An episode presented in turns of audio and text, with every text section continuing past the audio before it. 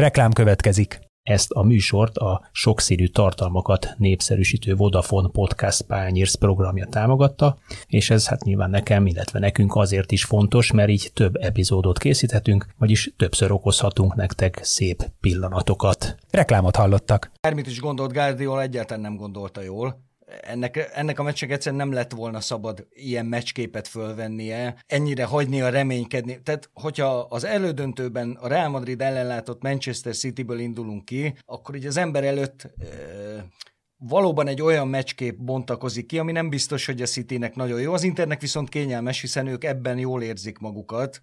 Szervezetvédekezés, területszűkítés teljes szélességében lezárni a pályát, és aztán ugye a három védősé nyílón a két szélen meg lehet indulni. Jó is, mert jól passzoló középpályásai vannak mellé, tehát valóban veszélyt jelentett az Inter, de szerintem ezt a veszélyt egy kicsit túl gondolta Guardiola.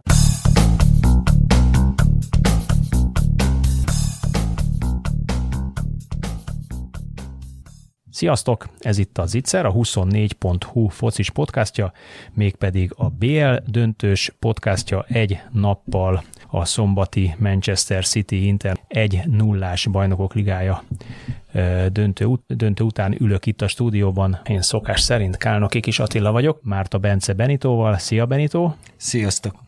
És a vonal végén pedig egészen Amerika dél-keleti csücskéből Militár Ivánt hívtuk, aki szintén nagy érdeklődéssel nézte végig ezt a izgalmas és szerintem taktikailag egészen érdekes mérkőzést, nagyon sok újdonságot hozó mérkőzést, és nagyrészt erről is fogunk beszélni. Szia Militár Iván! Sziasztok, én is üdvözlök mindenkit. No, elsőként milyen benyomásaitok voltak így lecsengve, most még nincs teljesen 24 óra a felvétel pillanatában, hogy csengett le nektek ez a mérkőzés? Iván, vagy Benito. Benito kezdte, te itt ülsz mellettem közvetlen. Az első gondolatom a BL döntővel kapcsolatban az, hogy egyrészt ugye sokkal, sokkal, sokkal szorosabb volt, mint amilyenre számítani lehetett, és egyre erősebb bennem a meccs lefújás óta az az érzés, hogy az Inter ezt a meccset, ha tízszer lejátszak, egyszer tudja körülbelül megnyerni, és ez lehetett volna az az egy, ami szerintem nem csak nekem nagyon komoly is. Iván? Igen, én nekem, én számomra az a legérdekesebb része ennek a bajnokok ligája döntőnek, hogy egyrészt kontextusba helyezi azt, hogy a nemzetközi szint azt hogyan kell értelmezni, mert nagyon sokan, arra értem, hogy nagyon sokan a, az átigazolási diakból indulnak ki, illetve abból, hogy kinek ki az edzője, stb. stb. És most világít, és ezt, ezt sokszor elmondják egyébként a top edzők a top szinteken, hogy a nemzetközi szinten már nincsen ennyi különbség.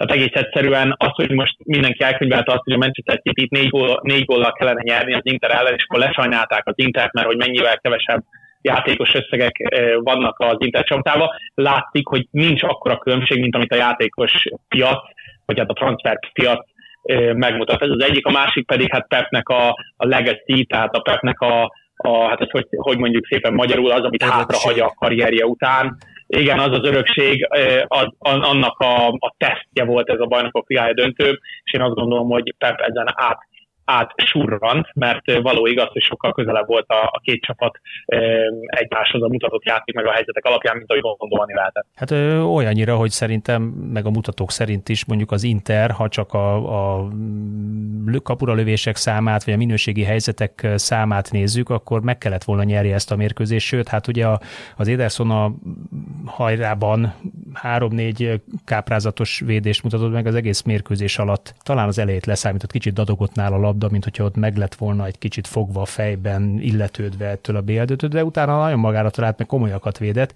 míg Onanának azért igazából nagy védése talán egyedül a, a Hallandnak a, a lövésénél volt, ahol meg nagyon jól helyezkedett. Mit láttatok taktikailag? Mitől volt, vagy mikor, mitől szűkült ennyire össze ez az olló, amit tulajdonképpen senki nem várt, mert tényleg mindenki azt mondta az elején, hogy hát ez sima City. Aztán nem volt egy sima City. Iván? Hát én erre, erre a kérdéssel megmondom, hogy szintén készültem, úgyhogy gyorsan megpróbálom ezt foglalni, mert majd kíváncsi vagyok, hogy a, ti hogy gondoljátok, a többiek hogy gondolnak erre. Amikor megláttam a felállást, én azt láttam, hogy mindenki arról beszél, ugye ez a lejár, lerágott csont, hogy Pep túl gondolja a döntőkben, meg a nagy meccseken a taktikát, most ezt tegyük félre. És most is húzott egy olyat, amit, amit, amit, senki nem várt, ugye? Tehát most is teljesen másképp játszott, mint ahogy, hát- mint ahogy eddig fölállásban futballozott, hulla sikeresen vert agyon mindenkit hazai pályán négy-öt gólokkal. De én ebben nem vagyok biztos. Tehát én egész évben, ha valami, valamelyik csapatot nézem egész évben, az a Manchester City az biztos. Több csapatot is figyelek, követek, de az biztos, hogy a Manchester City közelebbről, mint a többi. Hogyha, hogyha mondjuk a Fradit, vagy, vagy, éppen a, vagy éppen az Újpestet nem számoljuk. De a Manchester City és Pep Guardiola tekintetében ez a, ez a felállási forma, meg ez a struktúra, hogy középre tolunk mindenkit, és gyakorlatilag szélsővédők nélkül csak szélsőkkel beszorítjuk az ellenfél szélsővédőit, ezáltal a kontra lehetőséget megakadályozandó. Ezt már megfigyelhettük korábban is. Ugye, amikor, amikor ez az egész folyamat elkezdődött Pepnél, egyébként erről is érdemes beszélni, hogy hogyan változott a Barcelona időtől egészen idáig, hogyan jutottunk el idáig, hogy úgy nyer döntőket Pep, hogy kevesebb helyzetet dolgoz ki, mint az ellenfél. Ez egy nagyon érdekes része a történetnek. De hogy ezt már láthattuk, ebben a folyamatban már láthattunk jeleket. Például, amikor a Kyle Walker meg a Cancelo például inverted fullback, tehát ez a tükör, tükör szányvédő és Benito-val egy műsorban lenni azért nyomás, mert itt azért vannak kifejezések, amiket őt jobban ismer. Na szóval, hogy, hogy a, a beljebb tolt tányvédők, a középre tolt tányvédők esetében ezt már megfigyelhettük, hogy megpróbálja a pálya középső részét kontroll alatt tartani. Tudni kell, és ez egy, ez egy játékfilozófiai elgondolás, hogy amikor több játékos teszel be belőle, főleg úgy, hogy az Internél ugyanez volt, hogy nagyon sok játékos volt belül, azáltal a, a labdának a cirkulációja, a labdának a, a folyása az nem lesz biztosított. Ezért láthattuk azt, hogy gyakorlatilag a Manchester nem tudott berendezkedni az ellenfél térfelén, nem tudta a labdát járatni, mert térségek nélkül nem tud labdát járatni. Elképz, el lehet képzelni a, az ember fejébe, hogy ha van szélső, akkor lehet szélességbe húzni az ellenfelet, majd akkor átmész a másikra, oda húzni. És akkor előbb-utóbb elcsúsznak, és akkor lesznek helyek közöttük. Na, hogy, de hogyha nincsen ez a szélső játék, akkor ez egy nagyon nehéz feladat, viszont a, a reciproka ennek pedig az, hogy nem lehet kontrázni most a Manchester City ellen. Láthattuk, hogy bár említetted, hogy az Inter több helyzetet dolgozott ki, azért az fontos megjegyezni, hogy egészen a 70. percig nulla, azaz nulla darab helyzetet dolgoztak ki. Tehát ameddig 0-0 volt, tökéletesen tudta a Manchester City az ellenfél kontráit megállítani, és szerintem ez volt Pepnek az elképzelése, a játékfilozófiája, hogy majd találunk egy gólt, úgymond, amit találtak is, és, és mivel az Inter végig fog kontrázni, azt meg tudjuk állítani, onnantól kezdve nem lesz probléma. Na most még egyszer nem akarok túlzások, túl hosszan beszélni, de Nyilván utána az Inter megváltoztatta a saját gondolatvilágát, és a, és a játékképe is megváltozott, de alapvetően én szerintem azért volt ilyen a játékképe, mert Pep az ellenfél kontráit akarta megakadályozni, azzal szemben, hogy a saját játékát folyamatossá tegye. No de mégis váltott annyit, és akkor most itt Benitohoz fordulok, mégis váltott annyit, hogy az eddigi, hát ilyen, ilyen modernkori konyha szakzsargonnal élve újra gondolt VM rendszeréből, ugye a 3-2-2-3-ból átváltott egy egyébként valóban a tengelybe tömörülő gyémánt alakzattá, ahol klasszikus szárnyvédő nélkül játszott, Stones volt ugye az egyik belső, ami már magában is furcsa, hogy, hogy egyébként zseniálisan játszott a Pali, én, én amióta idén tavasszal elkezdtem nézni, újra és újra megdöbbenek azon, hogy milyen magas szinten képes egy sorral előrébb játszani ez az ember, de hát mégis ugye ő, ő volt az, akinek kvázi, vagy, vagy hogy föladták ezt a szárnyvédős rendszert, ugye középen kellett volna tartani a jobb oldalt, és tartotta is egyébként a jobb oldalt. Mi az, ami, mi az, ami, ami arra késztette Guardiolát, hogy változtasson ezen a klasszikus fölálláson, amiben tényleg mindenkit bucira vert ebben az egyenes kieséses szakaszban, és láthatóan az angol bajnokságban sincs ellenszer ellene. Hm. Az első gondolatom az, hogy bármit is gondolt Guardiola, egyáltalán nem gondolta jól. Ennek, ennek a meccsnek egyszerűen nem lett volna szabad ilyen meccsképet fölvennie, ennyire hagynia reménykedni. Tehát, hogyha az elődöntőben a Real Madrid ellenlátott Manchester Cityből indulunk ki, akkor így az ember előtt valóban egy olyan meccskép bontakozik ki, ami nem biztos, hogy a Citynek nagyon jó. Az Internek viszont kényelmes, hiszen ők ebben jól érzik magukat. Szervezett védekezés, területszűkítés teljes szélességében lezárni a pályát, és aztán ugye a három védősé nyílón a két szélen meg lehet indulni. Jó is, mert jól passzoló középpályásai vannak mellé, tehát valóban veszélyt jelentett az Inter, de szerintem ezt a veszélyt egy kicsit túl gondolta Guardiola és ezért alakult ki egy ilyen meccskép, mert nekem a meccs végén beszélgettem egy interszurkoló barátom, és neki mondtam azt, hogy mint Alex Ferguson abban a klasszikus Manchester United Bayern München döntőben, amikor ugye megcserélte Bekemet meg X-et, senki nem értette, hogy miért nem is működött, rosszul nézett ki. Egész a 90. percig. És aztán a 90. percben... Visszacserélte aztán. Igen, de mondjuk ki, hogy ez azért az már onnantól kezdve egy orosz rulett hát volt. Az, az. Tehát ez egy rossz döntés volt. Szerintem Pep Guardiola döntése sem volt jó döntés. Mondom ezt úgy, hogy, hogy, hogy nagyon sajnálom az Intert, mert jogosan reménykedtek abban, hogy ez lehet az a meccs, amikor el lehet kapni ezt a valóban az egész nemzetközi mezőnyből nagyon-nagyon magasan kiemelkedő Manchester City. De Iván, akkor mi indokolta mégis ezt a fajta felállás vagy formációváltást? Mi indokolta azt, hogy az a Stones, aki eddig egyébként ugye többnyire felállt védelkezésnél a jobboldali belső védőpozícióba lépett, lépett vissza, most jobb védőben, és ugye klasszikusan 4-3-3 vagy 4-4-2-be álltak föl, ugye azon a kevés időpillanatban, amikor mondjuk tíz emberrel tá, próbált támadni a, a, az Inter, jobb védőbe zárt vissza teljesen. Mi, mi, mi, mi volt a motiváció annak, hogy ezeket a kis apró finomításokat, meg a felállásbeli nagyobb finomítást meghúzza pont egy BL döntőn? Ha nagyon egyszerűen akarok fogalmazni, akkor, akkor csak az előző mondataimra akarok tudnék vissza, visszautalni, azt, hogy a kontrákat megállítandó. Hát hogyan, hogyan történhet meg az Pep, Guardia, Pep Guardiolával, bocsánat, hogy négy belső védő álljon fel egy, egy találkozón. Tehát azért ez egészen Egész tavasszal ezt csinálta, csak más hát, felállásban. mondom, de mégiscsak, igen, de mégiscsak azért, azért elgondolkodtató, hogy tényleg, és, és ezért fontos az, hogy kontextusba kell helyezni ezt az egészet, hogy induljunk ki onnan, ugye, hogy, hogy Piqué Puyol, Dani Alves, Jordi Alba, és Xavi Iniesta, ugye? Tehát, hogy, hogy innen jutunk el odáig, hogy négy belsővédő. Jó, mondjuk az a négy belsővédő is olyan, olyan négy belsővédő, mindegyik tud futballozni, nem egyik sem töri a labdát, sőt, ugye Jonathan Ake például képes volt fellépni a középpályára nagyon sokszor, és gyakorlatilag egy ilyen mm, dupla hatosból ugyanúgy, ugye Stones említette, tehát egészen elképesztő, hogy, hogy ki tudnánk megnevezni még a világ futballjából, aki ennyire ennyire, hát hogy is mondjam, a, a folyamatokat nem megakadályozandó, képes belső védőből belső középpályásá átvedleni, mérkőzésről mérkőzésre, tényleg elképesztő.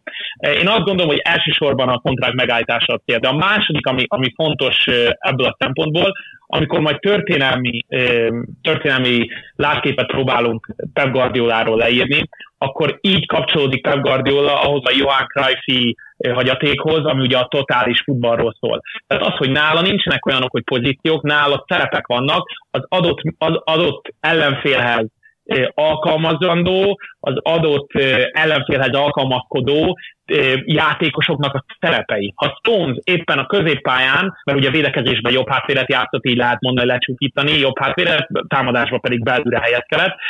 Ha ezt meg tudja oldani, akkor igenis nincs olyan, hogy belső védő, nincs olyan, hogy jobb oldali védő, nincs oda, hogy jobb oldali késő, hanem terepek vannak a mérkőzés tervhez igazítva. És most az volt a mérkőzés terv, hogy minél inkább kontroll alatt tartani az Inter kontráit. Ez egy nagyon konzervatív e, elképzelés egyébként Pep Guardiolától, attól a Pep Guardiolától, még egyszer mondom, aki ugye a tiki-taka, a Barcelona stílustól jutott el idáig, hogy most már teljesen pragmatikus egy ilyen, egy ilyen találkozón, és, és ezt kell figyelembe venni akkor, amikor ránézünk erre a felállásra, hogy terepek vannak és nem pozíciók. Mennyire értem, és teljes mértékben el is fogadom ugye ezt a vigyázzunk a interkontráira, hiszen ugye alapvetően értelmezhetően arra rendezkedik be. Mennyire fokozta ezt a veszélyérzetet az, hogy az, az Internek egy olyan kapusa van, aki ezen a mérkőzésen is egészen káprázatos módon passzolt lábbal. 44 passza volt az Onanának, 84% os passzpontosság, 11 per 7 hosszú labdáknál. Magyarul ez az ember, én nem is tudom, mint, egy, mint, egy, mint egy igazi hatos úgy osztogatott hátulról, vagy, vagy forgatja a játékot körülbelül, vagy, vagy nem, még jobban is talán, mint egy belső, komoly cseleket csinált a Pali, ott egyszer egyszer-kétszer, nem ilyen finom mozdulatokkal, testcselekkel.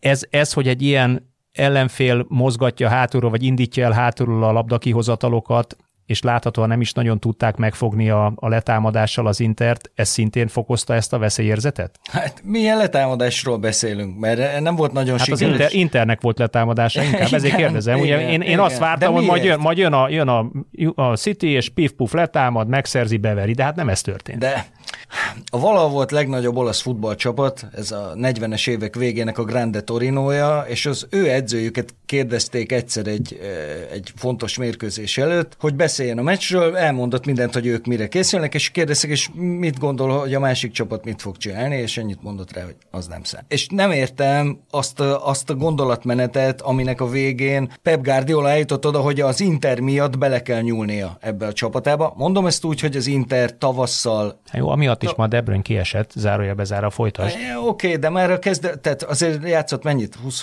perc? Tehát, hogy... Hát sokat. Sokat. Ha, sőt, 38-9 becserélték le, mert nincs előtte Oké, okay, a... tehát mondjuk lejátszott az első félidőt, és ott sem, már ott is látszott, hogy, hogy ez a City, ez ma nem az 36 a City. egész pontosan. És hiába várta az ember, hogy így lesz. Hozzáteszem, hogy elmondtuk a meccset is, hogy nem jó meccs a Manchester City-nek ez az Inter, ez igaz. Azok közül senki nem esélyes a City ellen, de talán az Inter az a csapat, amelyiknek kézzelfogható esélye is lehet a saját komfortzónájában lejátszon egy meccset a City ellen. Nagyon jó formában rendültek tavaszra, és a BL-ben, illetve elmondható, hogy az összes kuparendszerű mérkőzésben, mert az olasz kupát is elnézést megnyerték, közben megnyerték a szuperkupát, tehát a, egész évben a, a kupa rendszerű meccseken és a kulcsmeccseken nagyon jól játszott. Az hát Inzaghi amúgy is jó, 11, 11 per 9-es mutatója van különböző címekben, vagy kupameccsek, kupagyőzelmekben, de akkor, akkor fordítok egyet. A másik, amiről mindenki beszélt, az Erling Holland, aki 20 valanyadik percben volt egy kapura lövése, de egész addig egyetlen labdaérintése volt. Hogyan zárták ki ilyen professzionálisan a játékból ezt a atombombát? Hm. Ha egy mondatba kell válaszolnom, ezt az Inter nagyon sokszor megcsinálta idén. A BL csoportkörben ugye az egyik legnehezebb csoportból indultak ott is, és az olyan csatárok ellen is, mint a, a bajnokságban Osimen vagy Vlahovic. A, a szezon egyik legnagyobb meglepetése egyébként Acerbi, aki 36 évesen, hát ha nem is levezetni, de egyértelműen cserének érkezett Milánóba, és egészen elképesztően jól játszott. Kiszorította Döfreit, az egy dolog, de megbízható volt, magabiztos volt, és sztárcsatárokat tett zsebre. Én attól nem tartottam, hogy ilyen holland parádé lesz a meccsből, mert bármilyen furcsa hangzik is, mert azért Acerbi nem egy világklasszis futbalista, és nem ez a képé rólunk, de idén szerintem borzasztó jól játszott egész évben. Egyrészt, másrészt az Inter játék a három védővel, ami ugye öt védős abban a pillanatban, hogy elveszítik a labdát. Ez nagyon magabiztos, és a 16-os nagyon magabiztosan uralja. Bárki ez is kiderült. Iván? Igen, az, a, az az igazság ebbe, hogy amikor belegondolunk, így elgondoljuk ezt, a, ezt az egész struktúrát, hogy hogyan nézett ki a két csapat, akkor gyakorlatilag volt egyik oldalon volt a, volt a Citynek a szélsője, illetve a, a, az Inter szányvédője, és a másik oldalon ugyanez, az ugye négy játékos, ugye két páros, és az összes többi játékos az a pálya, hogyha 16-os oldalvonalat így meghosszabbítjuk, akkor mindenki belül volt. Az 16 játékost jelent. Na most, hogyha a csatároknak a teljesítményéről akarunk beszélni, akkor akárhogyan is, akármiről beszélünk, mindig valamiféle helynek kell lenni ahhoz, hogy, hogy, a, hogy a, a csatárok tudjanak, tudjanak kiemelkedni. És ez a hely akár még lehet a levegőben is, tehát még az is elképzelhető, hogy nem csak úgy gondolom, hogy a védelmi vonal mögött, hanem mondjuk a védelmi vonal felett, hogyha egy csomó beadás érkezik, ahogy mit tudom én, a Liverpool egy csomószor ezt a 2000-es években Peter crouch megtette, hogy a beadásokra tudott, tudott ö, ö, támaszkodni, mert a hely az még így is ilyen harmadik dimenzióban is értendő. De amikor olyan, olyan belső védők vannak, mint Acerbi, Bastoni meg Darmian, akik a, nem csak a földön, hanem levegőben is meg tudják állni a helyüket, akkor azért, és főleg úgy, hogy egy az egy volt a, a széleken, és se, se Silva se is nem tudta az egy az egyeit megnyerni. Ugye Grill is mondta is a mérkőzés után nyilatkozott a mérkőzés után, és mondta is, hogy gyenge mérkőzést fogott ki. Bernardo Silva pedig folyamatosan befelé, befelé tolta a labdát, ami még inkább arra, arra vitte a játékot, hogy se nem lesz, és mivel mélyen volt az Inter, se hely a védelmi vonal mögött, egész egyszerűen Hálánnak nem volt se területe, se a levegőben nem volt esélye, hogy esetleg fejpárba őket nyerjen, tehát semmilyen, semmiféle dimenzióban nem volt helye ahhoz, hogy bármiféle, bármiféle veszélyt jelentsen az Inter kapujára. Ugye le lehet fordítani ezt az egészet úgy, hogy az Internek a taktikája jött be, de én úgy, úgy érzem a szavaiból is, hogy inkább azt is le lehet fordítani, hogy Pep Guardiola túlságosan konzervatívá vált, és nem próbálta meg kinyitni a játékot, kinyitni a pályát, és több területet kialakítani. Főleg azért, mert olyan felállási formát változott, meg olyan nem csak a felállási formában változtatott, hanem például Bernardo Silva jobb szélsőbe helyezés, aki ugye ballábas befelé tolja a labdát, tehát ez még inkább abba az irányba terelte a meccset, hogy Haalandnak egyszerűen nem lett területe se a védelmi vonal előtt, se a védelmi vonal mögött, se a levegőben megfogalmazható ez úgy is akkor, ez a, az imént elmondottuk, hogy Pep Guardiola tulajdonképpen egy BL győzelemért föláldozta az eddigi ö, játékstílusát, és sokkal konzervatívabb, pragmatikus játékot választott? Bocsánat, hogy hagy válaszoljak el, és utána hagylak beszélni Benito, de mert, mert ezen gondolkoztam, hogy ennek van egy íve. Így röviden összefoglalva, hogyha arra gondolunk, és ezt, ezt leírtam magamnak a mérkőzés közben, hogy amikor a Barcánál volt, akkor ugye fiatal edzőként a stílus mindenek előtt. Ez volt a, ez volt a legfontosabb Pepnek, hogy bebizonyítsa, hogy már pedig ő egy stílusos edző, ő meg tudja valósítani azt a játékelképzést, azt a tradíción alapuló Barca stílust, amit ugye, amiről ugye mindig ódákat lengenek. Na most ez sikerült. Elment a Bayernhez, ott be kellett bizonyítania, hogy az, amit megvalósított a Barcánál, máshol is működik, kis adaptációval, majd eljött a Cityhez, és világuralomra tört.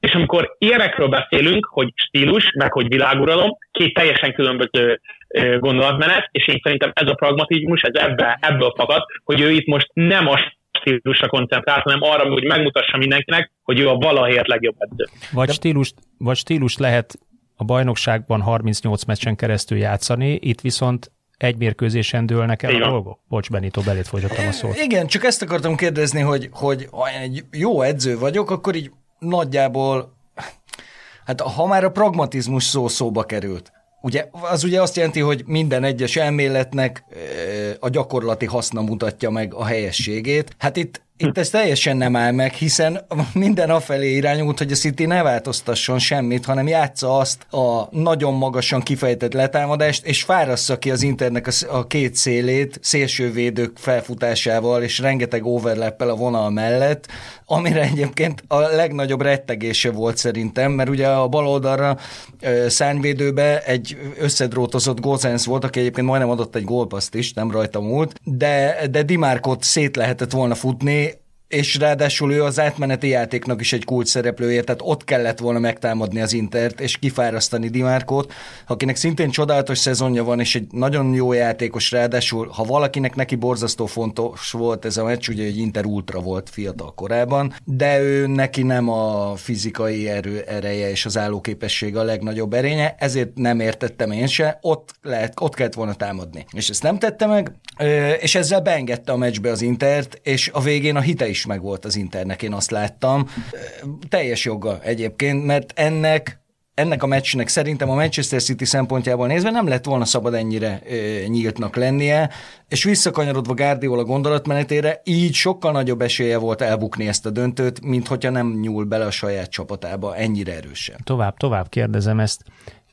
Az egyenes kieséses szakaszban azt láttuk, hogy idegenben egyébként hasonló módon játszott, mint most. Igaz? Tehát nem nagyon nyert, azt hiszem egy, egy meccset sem nyert idegenben, ha jól emlékszem az egyenes kiesés szakaszban Pep Guardiola, otthon viszont agyba főbevert mindenkit. Ennek is lehetett köze, vagy, vagy, vagy hogy, hogy működik ez Iván egy, egy edzői fejjel, vagy miért ennyire más a játékkép otthon, mint idegenben? Teszük, teszem hozzá. Igen, pa- papíron otthon voltak, mert Manchester City International, de mégiscsak Isztambulban játszottak, és mégiscsak egy meccses BL döntőtől nem lehetett hibázni. Ez egy nagyon érdekes kérdés. Ugye minden statisztikai adat valóban azt mutatja, de például nem csak a bajnokok ligájában, hanem például a, a FA kupában, a Manchester United elleni döntőben is kevesebb helyzetet alakított ki a, a Manchester City. Ott is volt egy olyan érzés az embernek, hogy hát ne, ne, nem szeretem azt a szót használni, hogy szerencsés, mert azért ez túlzás lenne, de hogy de hogy a Manchester Unitednak legalább volt akkora esélye ugyanúgy, mint ahogy most az Internek is, hogy esetleg egy, egy X-et kiharcoljon.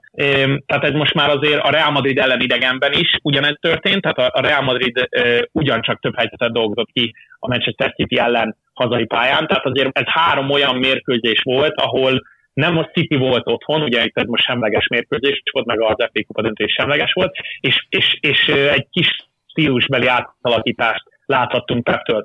E, mi sem bizonyítják jobban, mint például a, a PPDA, ugye a, a letámadások intenzitását jelző számadat, az is most egészen elképesztő, hogy a Manchester Citynek magasabb ez a szám, és ugye minél alacsonyabb, annál nagyobb az intenzitás a letámadásnak. Tehát gyakorlatilag azt mutatható ki, hogy az Internek a letámadása intenzívebb volt, mint a Manchester Citynek ezen a mérkőzésen. Tehát, tehát minden, minden számadat arra utal, hogy ez tényleg nem a megszokott Manchester City volt, és ebből az ember azt a következtetést vonhatja le, amit, amit mondtál, hogy, hogy hát ez ilyen idegenbeli találkozó feeling volt, és hogy pragmatikus volt Guardiola. Azért azt hozzátenném, hogy a meccs képe alapján, meg a meccs alakulását tekintve, akárhogyan is az Internek voltak több helyzetei, egészen a 70. percben, mint ahogy említettem, a 70. percig, ugye a 68. percben volt az hiszem a, a Rodinnak a gólja, a, egészen addig 0.8, 0.08 exit össze az Inter, azt hiszem. Tehát gyakorlatilag kapura lövésük sem volt, így, így lehetne összefoglalni. Tehát azt is meg tudom fogalmazni egy ördögügyvédjeként, hogy Pep Guardiolának a taktikája ült, mert nem tudott az Inter semmiféle veszélyt jelenteni a Manchester City-re. Az igaz, hogy a Manchester City sem tudott olyan helyzeteket kidolgozni, ami, amihez mi hozzászokhattunk a 38 meccses Premier League sorozat alatt.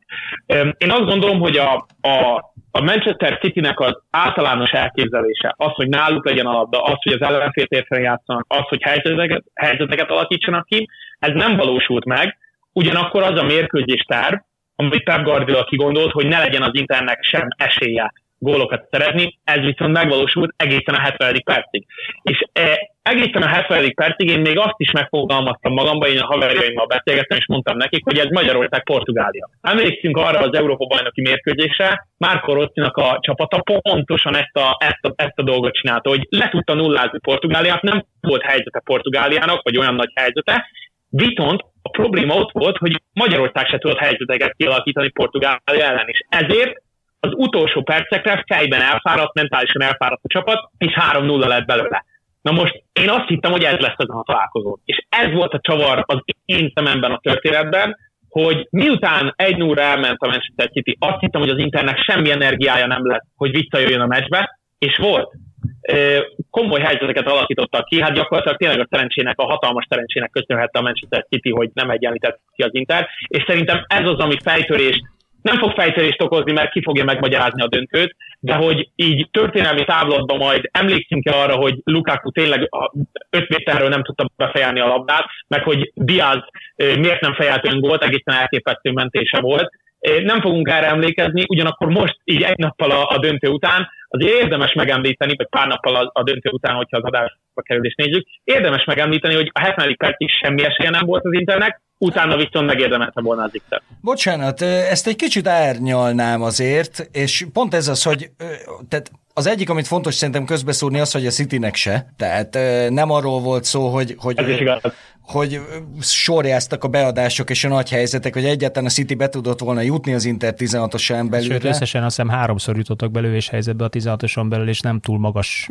Egyedül a, egyedül a Fodené volt, az egy komoly zicser volt. Igen, igen. Az a másik dolog pedig az, ami, ami egy ilyen meccsképnél mindig benne van, és a Manchester City-nél talán az egyik legkevésbé mégis, ugye Akanjinak volt ez a röviden hazatett labdája, amire lecsapott Lautaro, az még szerintem 0-0-nál volt, az is egy komoly helyzet volt, és ha jól emlékszem, Edersonnak volt egy nagyon rosszul sikerült kirúgása, amivel gyakorlatilag jó kiszorított helyzetből is vagy 35 méterről, de Barella az üres kapura rúghatott, tehát kirúgta a lelátóra, de ebből mind a kettőből, mind a kettőből lehetett volna gól. A Lautaro ostorozta is magát a meccs végén, azt lehetett látni könnyes szemmel, hogy érezte ezt a felelősséget egy kicsit. Én nem azt mondom. Jó most... mondom, az 59. percen volt. Igen. Mondod. Tehát, hogy az Inter azért eljutott a másik kapuig, és ezért mondom, hogy megvolt a hite is az Internek, és azért volt meg a hite, mert az első félidő táplálta a hitüket, hogy ez a City ez ma nem olyan, és szerintem ők is így érezték. Biztos vagyok benne, hogy szó volt az öltözőben erről, hogy nem sok olyan meccs van, amikor ez az Inter le tudja győzni a City-t, ez a mai egy olyan lehet, és tartom, hogy ez lehetett volna egy. Na de ezt a önbizalmat, vagy egyre növekvő önbizalmat nyilván az is táplálja, hogy mondjuk egy Lukaku tud betenni az 56. percbe, és mondjuk még a Mitárjánt bár neki ugye azért a, nem volt százasa az egészségi állapota, de még, mégis, mégis a ilyen játékosok ülnek a kispadon, és itt vissza is csatolok a, a portugál magyarra. Jó, de hogy, ketten. E, igen. Hát nem, nem, nem tudsz még, Jó, ne soroljuk. Én, én elfog, bármelyik csapatba elfogadnám Lukakut, én, én, én egyébként igen. abszolút el, ellennék vele. Hát de én most nagyon dühös vagyok, vagyok. Meg szerintem mindenki nagyon dühös rá. Igen, Azért a VB formát hozta, szokták Igen. mondani, itt ugye el is hangzott a közvetítés alatt, Igen. meg vagy talán még a titleren olvastam, nem is tudom, hogy hol. De valóban, de hát nem, nem játszik folyamatosan, ugye egy csatár, csatárnak akkor jönnek meg a gólja, és jön meg az önbizalma, hogyha folyamatosan játszik, és folyamatosan érzi a bizalmat, azért az egy, az egy nagyon érzékeny poszt ilyen szempontból. Megjött és... neki tavaszra. Tehát meg, a tavasz meg, végére az Interrel együtt Lukaku is nagyon jó formában lendült. Én ezt nem gondoltam volna, főleg az ősz De mégse ő kezdegetett a BL-ben. Nem. Dzsékónak de ő is jól játszott. Van egy ilyen, igen, van egy ilyen, tehát ez egy furcsa dolog eleve, hogy, hogy kontra játékra készülök, és akkor Jacko centerem, akinek mondjuk nem a, nem a gyorsasága a legnagyobb erénye, viszont lefejel bármilyen labdát, megharcol megtart, a védőkkel, igen. megtart, nagyon okosan passzol, helyezkedéssel inkább, mint nagy nyomással, de azért a védekezésből is kiveszi a részét, és egyszerűen úgy érezte folyamatosan szerintem Simone Inzaghi, hogy, hogy valahogy jobb, jobban működik közöttük a kémia. A tavasz végére azért Lukaku is jó formával endült, azt például nem gondoltam volna, hogy rajta fog elmenni a győzelem, mert mondjuk egy rajta ment el. Hát igen, de ez taktikai váltást is ö, eredményez. Ugye nem mindegy, hogy Zekóval játszol Lautáróként, vagy Lukakuval játszol, tehát ugye ez egy taktikai fegyver is, hogyha az egyik van bent csúcsékként, vagy 9-esként, akkor hogy mozogsz, és milyen feladatod van, ki hogy mozdul a labda felé, illetve a másiknál is megvan ez. Igen, meg hát azért kényszer is. Tehát ő, ez a két centere van az Internek, Lukaku szerintem nem tud még végigjátszani, még mindig nem tud végigjátszani egy teljes meccset, Dzeko meg pláne nem, főleg ezen a szinten, tehát ő nekik muszáj is váltaniuk egymást. Valóban egy picit más, más a játék az Internek, nyilván sokkal górra törőbb, hogyha Lukaku van fönt a pályán, de, de, de most erre mit mond az ember? Azt, hogy Jéko két gólt fejel abból a lecsorgó, vagy hát nem is lecsorgó, ez egy Gossens gyönyörűen csinálta. Hogy érkezett, befejelte középre, hogy kell. Na, még mindig feláll a szőr átam, hogy ezt nem fejelte be Luka. Mit gondoltok a, arról, és ez újabb, egyébként egy újabb megerősítése ugye ennek a egyre erősebb gardiolai pragmatizmusnak, hogy, hogy a meccs előtt is, a meccs után is kitért arra, hogy ugye egyre inkább rásütötték ezt a bélyeget, hogy túl gondol minden mérkőzést. Nagyon, nagyon érdekes. És, és már mindenki, mindenki győzelmet vár most már, mert a City és a milliárdok és a Hú meg H. Igen, igen. Nagy volt a nyomás rajta, az biztos. Én ugye a CBS Sportson követtem a, a találkozót, meg a, az amerikai közvetítés, az ugye ott volt megoldva. És utána ugye ez a Thierry Henry, Jamie Carragher, eh, Michael Richards, típusú háttérbeszélgetés, és ugye oda kijött Pep rögtön a mérkőzés után, és nem csak Pep egyébként, mert, mert több, például Lukakuval is volt beszélgetés, de ott, amikor, amikor Pep arról beszélt, hogy hogy ő neki ez mit jelent, azért ott megmutatkozott, hogy ez, ez egy elképesztő nagy teher esett le a, esett le a, a, a vállukról, és nem csak neki, Haaland például azt mondta, hogy ő a, amikor lefújták a találkozót, akkor csak arra tudott gondolni azt az utolsó perces fautot, hogy miért követte el, miért lökött, miért adott még egy esélyt a, az internek egy oldalszabadrugásra, mert hogy azt mondta, hogy semmi másról nem beszéltek, mint hogy elviselni azt a terhet, hogy itt a lehetőség arra, hogy történelmet csináljanak. Ugye egyrészt történelm az, hogy, hogy ilyen triplázzanak, az, az már alapvetően történelmi, de a másik az, hogy Pep az egyetlen edző, aki két országban is meg tudta ezt csinálni, Ugye Alex Ferguson képes volt erre, José Mourinho képes volt erre, nyilván Alex Ferguson nem tette meg több országban, José Mourinho meg csak az Internet tudta meg, csak az Internet tudta megcsinálni. Szóval ezek történelmi léptékben, léptékű dolgok lettek volna, és, és ez a nyomás, ami, ami ráhelyeződött, az szerintem Pepen jött ki. Mert hogyha ránézünk erre a Manchester City-re, igen, most beszélünk arról, hogy Haaland talán aranylabdát kaphatna, vagy ez, ez, a, ez is benne van a beszéd folyamban, ugye? De hogyha ki a következő olyan játékos, akiről mindig mindenki beszél. Ugye Kevin De Bruyne talán, de ő is ugye a belga válogatottal ugye a, a világeseményeken nem tud olyan, olyan nem, nem tudott eddig olyan kiemelkedőt nyújtani. Szóval, hogy csak arra célzok, hogy nincsenek olyan szupersztárok, ezért Pep a, a de facto szupersztár eh, lép elő, és ő az, aki el kell viselje azt a Manchester City jelentette terhet, amit ugye a, a világmédia, a világ sportmédiája rátett erre a csapatra. Szóval én azt éreztem, hogy ő, ő neki ez volt a legfontosabb, hogy megnyerje a bajnokok ligáját, eddig nem beszélt róla, és most már nyíltan tud arról beszélni, hogy igen, megcsináltuk, ugye ő mindig azzal, azzal jött, hogy a bajnokságot megnyerni nehezebb, mint a bajnokok ligájában, mert a bajnokok ligájában bármi lehet, ezt egyébként a mérkőzés után is elmondta. Statisztikája nem ezt mutatja. Tehát én ezt a nyomásnak a lekerülését, igen, én ezt a, én ezt a nyomás lekerülését láttam, láttam rajta, meg ez az abszolút felszabadultságot. Már-már egészségtelen felszabadultságot egyébként. Hogy már-már úgy nézett ki, hogy ez már tényleg túl sok volt. Ezzel a, ezzel a győzelemmel tekintsünk egy kicsit előre, meg ezzel a felszabadultsággal, Guardiolai vagy Manchester City felszabadultságával, ugye, hogyha ha igaz a, a mondás, akkor élete második meccsén volt kint Mansur Sheikh, tehát ugye ez még csak kicsit növelte a, a nyomást a, a tulajdonos. és Isztambulig utazott. Szóval ez, ez azért úgy, na, mit, mit hozhat ez a, a jövőben nézve? Tehát elképzelhető, hogy hasonló dominanciának leszünk a következő egy-két évben is szemtanúi, mint ami volt a Real Madridban, vagy amit egyébként most már ugye harmadik éve az angol bajnokságban csinál a Manchester City? Iván? Hát nagyon érdekes lesz hogy visszautaljak megint ugyanerre a, erre a műsorra, ugye Thierry Henry azt mondta, hogy most már, most már mindenkinek be kell fogni a száját, gyakorlatilag ezt mondta, mert innentől kezdve nincsen olyan, nincsen olyan megfogalmazás, nincsen olyan érv, ami szerint nem Pep Guardiola a világ legjobb edzője. Valaha legjobb edzője. Na, most nyilván Vitatkozunk Marival. Várjál, várj egy kicsit. Vitatkozni akar Benito egy kicsit. Ezt mondta Henry. Vitatkozzál. De nem velem vitatkozzál, hanem Henrival. De amúgy egyetértek, de amúgy egyetértek Henrival, úgyhogy lehet velem is nem kisebbítve az érdemeit, és én hozzám nagyon közel áll az, hogy, hogy valaki, ahogy Iván is mondta, edző, és ahhoz ragaszkodik, és mindig próbál újítani, de mindig ugyanazon a nyomvonalon halad arról, nem nagyon tér le, és így mondtad, hogy nagy volt rajta a nyomás, meg hogy mivel találták meg mindig Guardiolát, tehát ugye a barszás idők meg mindig az, hogy nincs B-terve. Na most meg, ugye, most meg ugye megjöttek a B-tervek, és hát nem mindegyik ült azért itt az utóbbi években. Nem akarok semmit elvenni Pep Guardiolától, de, de azért a, a Barcelonánál is a világ legjobb csapata volt alatta. Igaz, hogy azt részben azért ő építette oh. föl, ha nem is teljesen. De hát pont most a, mondta az Iván, hogy Bayern... ez, ez egy olyan csapat, amelyik idézőjelbe szürke, hát a legnagyobb szára Guardiola. Mondjuk van egy De Bruyne, de... aki egész jó, de belga, meg van egy Holland, aki Igen, még, akartam... még, még, lehet, hogy lesz aranylabdás idén, jó. de még, még azért nem, nem jó. Ronaldo meg Messi magasságokban okay. jár. Nem akartam közbeszólni, de mondjuk Rod, Rodrinál jobb hatos szerintem nincs most hát az, az egész az világon. Extra. Emersonnál nem biztos, hogy hát lehet, hogy mondjuk van három kapus, aki ugyanolyan jó, és akkor ők hárman együtt a világ legjobbja, abban is benne van. Plusz Guardiola már nem így választ játékost, hanem a saját játékához választ játékosokat, és arra viszont ezek a legjobb játékosok, és arra nem is sajnálják a pénzt. Tehát Na amikor... de akkor én megint előcitálom ezt a, ezt a tehát oké, okay, a tengelyel akkor rendben vagyunk, de mégiscsak egy Stones játszik olyan pozícióban, ahol, ahol hát, hát meg vagyok döbbenve. Azért van egy Akanji, akiről, aki jó-jó, de hát, hát de hát ennyi erővel kis túlzással. Nem, nem egy világsztár, na.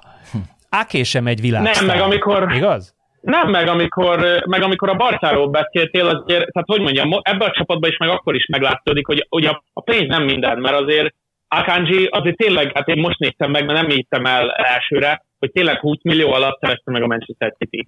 Ugye tessék megszerezni Akanjit, meg ilyen játékost faragni belőle. Hát vagy, vagy, így, vagy, így válasz, volna. vagy így válasz karakter, Igen. posztra, adott, Rodri, adott feladatra. A Rodri is Pep Guardiola alatt vált a világ legjobb hatosával ezzel maximálisan egyetértek. Ugye Busquets tekintetében, amikor a Barcáról azt mondta, hogy a világ legjobb csapata, nyilván azért lett a legjobb csapat, mert Pep Guardiola volt az edző. A Busquets a Barca B-ből jött oda, a, Ped, a Pedro a, a Barca B-ből ment oda, tehát, a, tehát a, a, azért ezt is jó lenne kontextusba helyezni, hogy a játék, játékos fejlesztésben is kiemelkedő nyújt Pep Guardiola, gyakorlatilag nincsen olyan dimenziója az edzőségnek, amiben ne ő lenne a legjobb, arról nem is beszélve, hogy ő most már tényleg több helyszínen keresztül tudta megvalósítani azt, amit megvalósított. Hmm. Ezt nagyon kevesen tudják úgy, úgy hogy stílus, sikeresség, különböző ö, ö, térségekben megvalósítani. Tehát Igen. ezt a hármast nagyon kevesen tudják. Igen, Carlo Ancelotti Fortyogo EP-je vagyok. És Igen, mutat, mutas fel egy Igen, de a stílusot hiányzik. Most a, a, a, a másik kettőben igazad van. Tehát ha én ezt erről ezért mondom a hármas. Erre a hármasra találjál. José Mourinho-nál sem sikerült az, hogy, hogy a stílust megvalósította három különböző helyen, sikeres lett volna három vagy négy különböző helyen, és mellé még, még a különbözőséget is megvalósította volna, mert ugye volt különböző helyeken, volt sikeres, de nem tudta minden, minden, minden három helyen a stílusban letaglózni a, az országot. Ugye Johan Cruyffot lehet mondani, aki sikeres is volt, és stílus is megvalósított, de ugyancsak nem ment el több helyre. Sir Alex Ferguson is stílus megvalósított, sikeres is volt, nem ment el több helyre. Carlo, Carlo Ancelotti elmentőbb helyre sikeres is volt, de stílus nem valósított meg. Tehát Pep Guardiola az, aki ezt a ja, hármat hogy... meg tudja valósítani. De ez még egyszer mondom, ez az én személyes hülyeségem nyilván. Akkor most Giovanni Trapattoni fortyogó epéje is vagyok, hogyha már ilyen történelmi léptékű dolgokba is belemegyünk, vagy Nils Lidholmé talán még inkább. De már nem menjünk ennyire messzire, és még egyszer, még egyszer nem szeretnék elvenni tőle semmit, de, de talán az, hogy a, a hogyha a stílust pozitívumnak vesszük, azt vehetjük akár negatívnak is, hiszen a Bayern Münchennél például nem tudott a csúcsra érni vele, pedig ott is a saját stílusát próbálta. Ancelotti meg akárhova ment, valóban nem egyfajta stílust vitt magával, de talán ez egy edzővel szemben nem is feltétlenül, nem is feltétlenül kritika, hanem hogy oda megy, megnézi, és az, arra azt mondja, hogy ebből ilyen vagy olyan vagy amolyan csapatot fogok csinálni, a közös az bennük, hogy nyer általában mindegyikkel. De igen, tehát ö, nem vitatkoznék Anrival sem, mert őt meg aztán főleg nagyon-nagyon szeretem.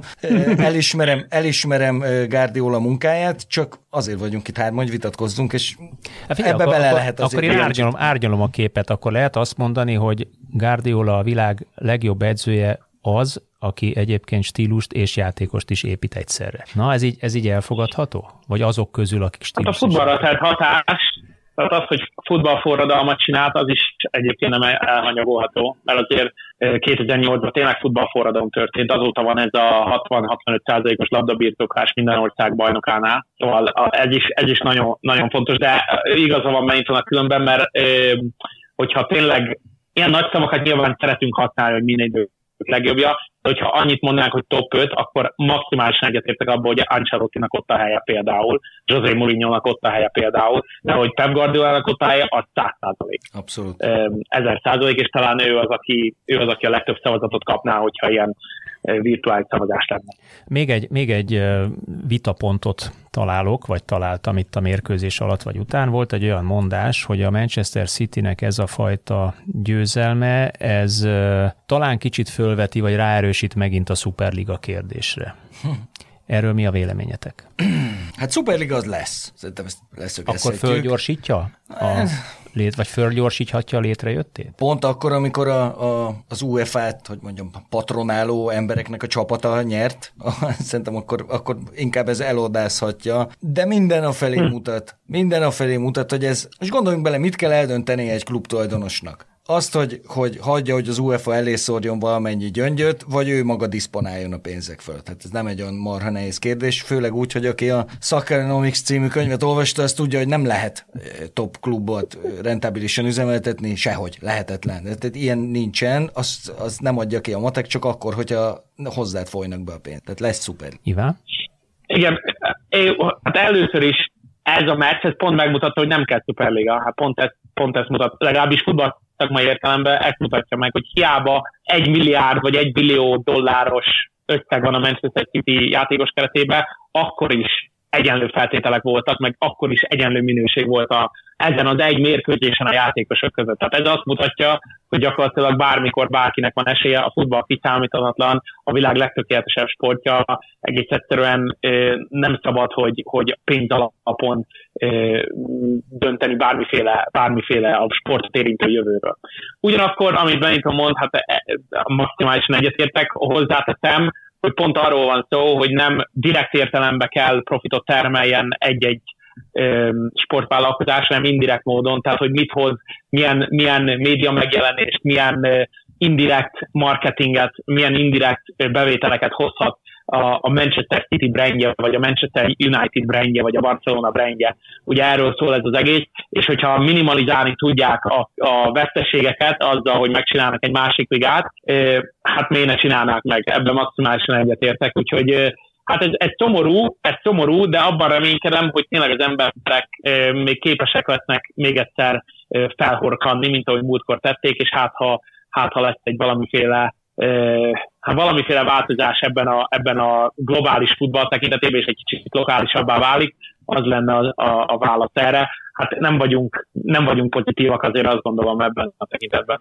Nekem van egy másik felvetésem is, ugye a Superliga kontra bajnokok ligája, tehát pont az a tény, hogy egyre több olyan típusú ö, tulajdonos jelent meg az elmúlt 5-8-10 évben, lásd Manchester City is, ahol nem elsősorban az a cél, hogy profitot termeljen a klub, hanem egyéb más politikai vagy geopolitikai okai vannak annak, hogy én ott vagyok és öntöm bele a milliárdokat. Hát, Mert a Manszurság kétszer jött el egy mérkőzésre. Tehát ő, ő azért nem az az ember, aki, aki azért teszi bele a pénzét, mert tökre szeret ott a City stadionban átsorogni és tapsolni egy, egy győzelem után. Ez nem mond ennek ellent, hogy vagy, vagy ugyanígy megjelent, lesz 32 csapat, amiben mondjuk 14 az, az idézőjelben nem a gördülő euró vagy dollár tízezreket, százezreket, milliókat számolgatja majd a sor végén, hanem ugyanígy megmaradhat a más motiváció egy saját zárt rendszerben? Hm. Amikor elkezdted ezt a gondolatmenetet, akkor az jutott eszembe, hogy, hogy a, a, a labdarúgás végleges felborulását, azt a, a klubok mögött felbukkanó olyan entitások eh, jelentették, akiket Iván említett az előbb, hogy nem feltétlenül gazdasági haszonra van szükségük, mert annyi pénzük van, hogy hát most amennyi pénzt tud hozni nekik egy futballklub, az apró pénz. De akkor ilyen Hanem szempontból... azok, akik, akik a saját nevüket vagy reputációjukat akarják, vagy a saját rendszerüket, amiből érkeznek, azt akarják, hát, hogy mondják ezt szépen, szerecsen mosdatni, vagy legalább suvickolni egy kicsit, vagy eh, elfogadhatóvá tenni az emberek felé, mert nézzük végig, de nem csak, tehát, hogy nem csak a futballklubokról, hanem a futballról is szó van. Nézzük meg a világbajnokságokat, hogy melyik országok kapják meg, és miért. Pontosan tudjuk, hogy miért. Kik azok, akik belerakják a pénzeket? Az olajsejkek, kínaiak, oroszok, ugye egészen a legutóbbi időkig. Tehát ez, ez nem, nem egy egészséges és nem egy jó folyamat, és... De akkor van jogosultsága egy olyan szuperligának, amit én úgy képzelek el egyébként, mint az amerikai major ligákat, ahol van egy nagyon szigorú tulajdonosi ö, liga, liga vezetés, és közös érdekek mentén, elsősorban pénzügyi érdekek mentén döntenek, és ezért vetettem föl ezt a kérdést, hogy ha, ha van egy liga, ahol elsősorban pénzügyi érdekek mentén döntenek, akkor akkor általában esélyegyenlőségre törekednek. Na, ezek a tulajdonosok mindenre törekednek, csak esélyegyenlőségre nem. Na jó, de az Egyesült Államokban vad kapitalizmus van, tehát ott tényleg minden profit, profit határoz meg. Itt meg ugye a sejkekről beszélünk, hát a sejkeknél aztán tényleg... De pont ezért kérdezem. Úgy született, hogy, hát e- ezért mondom, hogy tehát a Manchester City konkrétan a Manchester City esetében itt, itt, itt nem profitorientáltságról beszélünk. Megjegyzem egyébként, ez egy nagyon fontos része a Manchester City történetnek. Akárkivel beszélsz Angliából, aki mondjuk, nekem vannak ismerőseim, akik, akik utánpótlás edzők Premier League csapatnál, tehát például a Liverpool 18-nál edző, meg ilyesmi, és azt mondják, hogy a legprofibb, a legprofibb entitás az angol futballban a Manchester city Tehát, hogy közösséget teremtenek például a saját sportcentrumuk körül. Tehát a Manchester városában a Manchester City projekt az egy kiemelkedően sikeres projekt. Ami közösségépítést, ami a, ami a Manchesteri, azt a városrészt, most nem tudom, földrajzban nem vagyok ennyire otthon benne, de hogy azt a városrészt átalakították, olyan dolgokat csinálnak, olyan projekteket valósítanak meg, amit valóban segít az ottaniaknak. Na most ez kitúrja a szemét az angoloknak azért, hogy eladhassák azt a, vagy átmosdhassák, ahogy mondták, ahogy mondta Benito, hogy szeretsen mosdatást, tehát hogy átmosdassák azt a pénzt, amit, amit itt, itt csinálnak, így csúnya szóval érve, az egy másik kérdés, de az biztos, hogy a Manchester City-nek van egy másik arca is, egy sokkal pozitívabb arca is, és ezért én nem vagyok benne biztos, hogy pont a Manchester City az, aki, a, aki ennek a ligának a, a fő kolomposa lesz. Én inkább azokra, azokra az amerikai tulajdonosokra e, e, gondolok itt, akik meg tudják valósítani ezt a szuperligát, akik, e, akik hát inkább a profitorientáltságra fókuszálnak, és egyébként én nem vagyok, Amerikában élek, szeretem az MLS, de én nem vagyok nagy híve egyébként a, az MLS-nek, meg ennek a franchise rendszernek, mert egy nagyon igazságtalan monopól helyzetet alakít ki itt az országon belül is, ami nem segíti a, a, a, hát az osztályváltást, és nem csak arra értem, hogy nincsen feljutás kiestés, hanem arra is, hogy bizonyos entitások, mint például ahol én dolgozok, egy másodosztályú entitás, az nem tud hozzáférni azokhoz az erőforrásokhoz, amikhez az MLS hozzá tud férni, és az nem jelenti azt, hogy az MLS szervezet jobban működne, mint a miénk. Tehát ez, ez igazságtalanságokat hoz magával, és szerintem ez a Superliga pont ezért egy rendkívül rossz ötlet, mert rendkívül magas mértékű igazságtalanságot hozna be a, a világ futballjába. Hát pontosabban mindent nekünk, az összes többi le van tojva majd mi szemezgetünk, hogyha találunk valami Pontosan. ügyes gyereket, és akkor megvásároljuk, vagy ügyes egyzőt, akit megvásárolunk. No, elég messzire jutottunk azért ettől a bajnokok ligája döntőtől, kicsit megpróbáltunk a, a jövőben nézni. Minden esetre az nem vitás, hogy mondjuk jövőre még biztosan nem lesz szuperliga, jövőre viszont egészen biztosan a Manchester City is tényező lesz. Zárjuk talán ezzel a BL döntő podcast, podcast kibeszélőnket. Iván Benito, köszönöm szépen, hogy velünk voltatok. Jövő héten új adással jelentkezünk. Sziasztok! Sziasztok!